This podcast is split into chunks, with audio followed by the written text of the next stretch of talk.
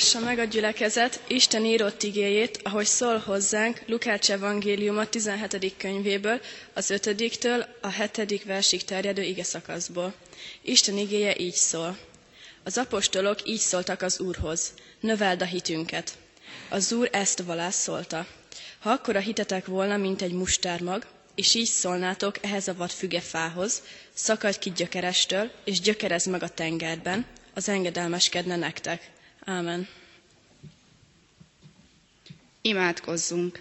Mindenható Isten, Te alászálltál mi közénk, és arról is gondoskodsz, amire nekünk e földi életben szükségünk van. Kérünk Téged, engedd meg, hogy minden ember rád hagyatkozzunk, és hadd tanuljuk meg ezen a világon elhordozni a szegénységet, mégpedig úgy, hogy közben belső békénk és megnyugvásunk el ne vesszen, sőt, inkább abban a lelki gazdagságban növekedjék, amelyet Te kínálsz nekünk. Amen.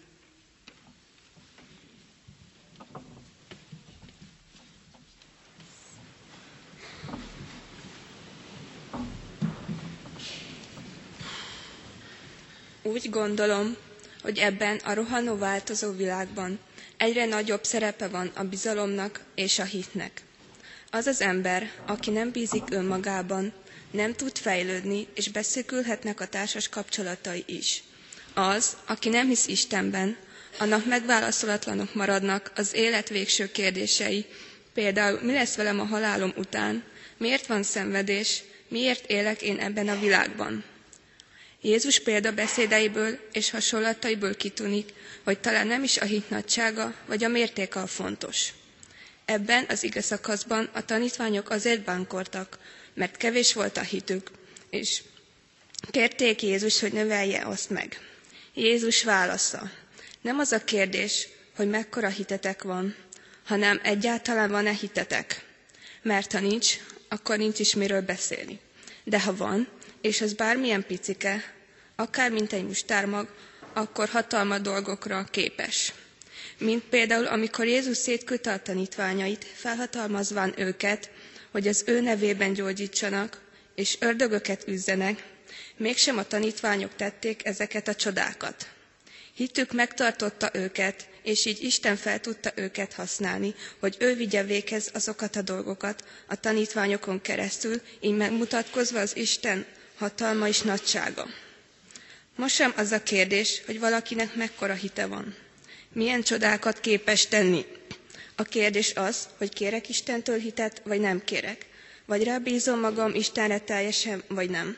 Vagy elhiszem, hogy ő képes mindent megtenni, és a rosszat is javamra fordítani, vagy kétségbe esetten egyedül erőlködhetem tovább. A hit azt is jelenti, hogy bízunk Istenben, és bármi is történik kint a világban, vagy a közvetlen környezetünkben, tudjuk, hogy ő szeret minket, és mindent a javunkra fordít.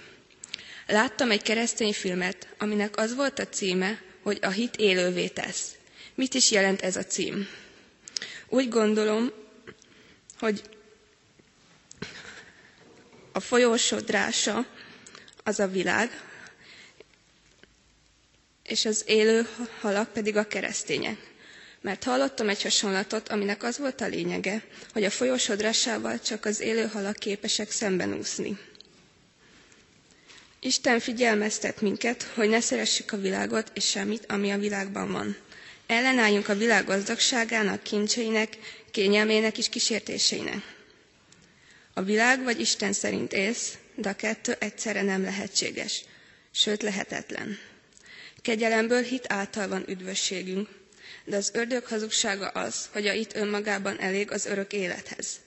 Jézus figyelmeztet, hogy nem mindenki megy be a mennyek országába, aki azt mondja neki, hogy Uram, Uram, hanem az, aki cselekszi is az ő akaratát. Másfelől hittel tudjuk csak elfogadni, hogy Krisztus föltámadt a halálból, fölment a mennyben, ahol közben jár értünk az atyánál, és kereszthalála által Isten megbocsátotta a védkeinket. Továbbá azt is hit által tudjuk fölfogni, hogy a mennyvilága és az örök élet valóság.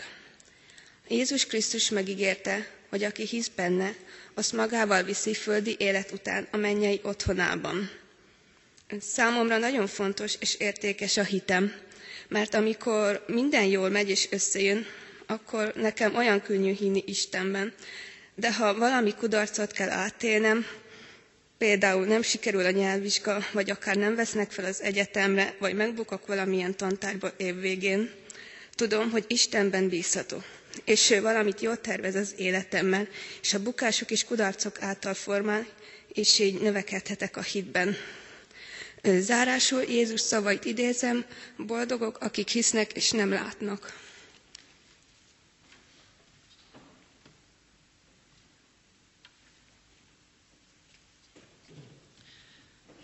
Hajtsuk meg a fejünket, és helyünkön maradva imádkozzunk.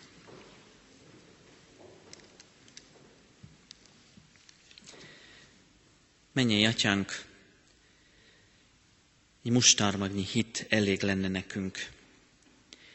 Egy mustármagnyi hit hegyeket tud megmozgatni. Olyan jó lenne, Urunk, ha egy mustármagnyi hittel meg tudnál bennünket ma is ajándékozni. Hogy ezen a mai napon mindazok a hegyek, amik elénk jönnek, azokat félre tudjuk tenni.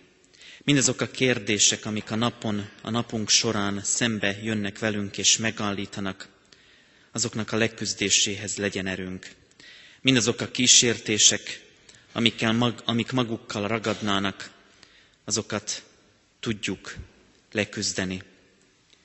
És mindazok a félelmek, amik tőled eltaszítanának, azokkal merjünk szembenézni, mert tudjuk, Urunk, hogy Te mellettünk vagy.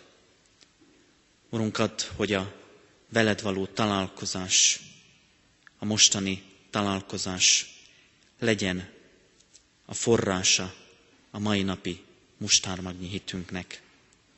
És így kísért végig, Urunk, nagy hetünket, annak minden napját.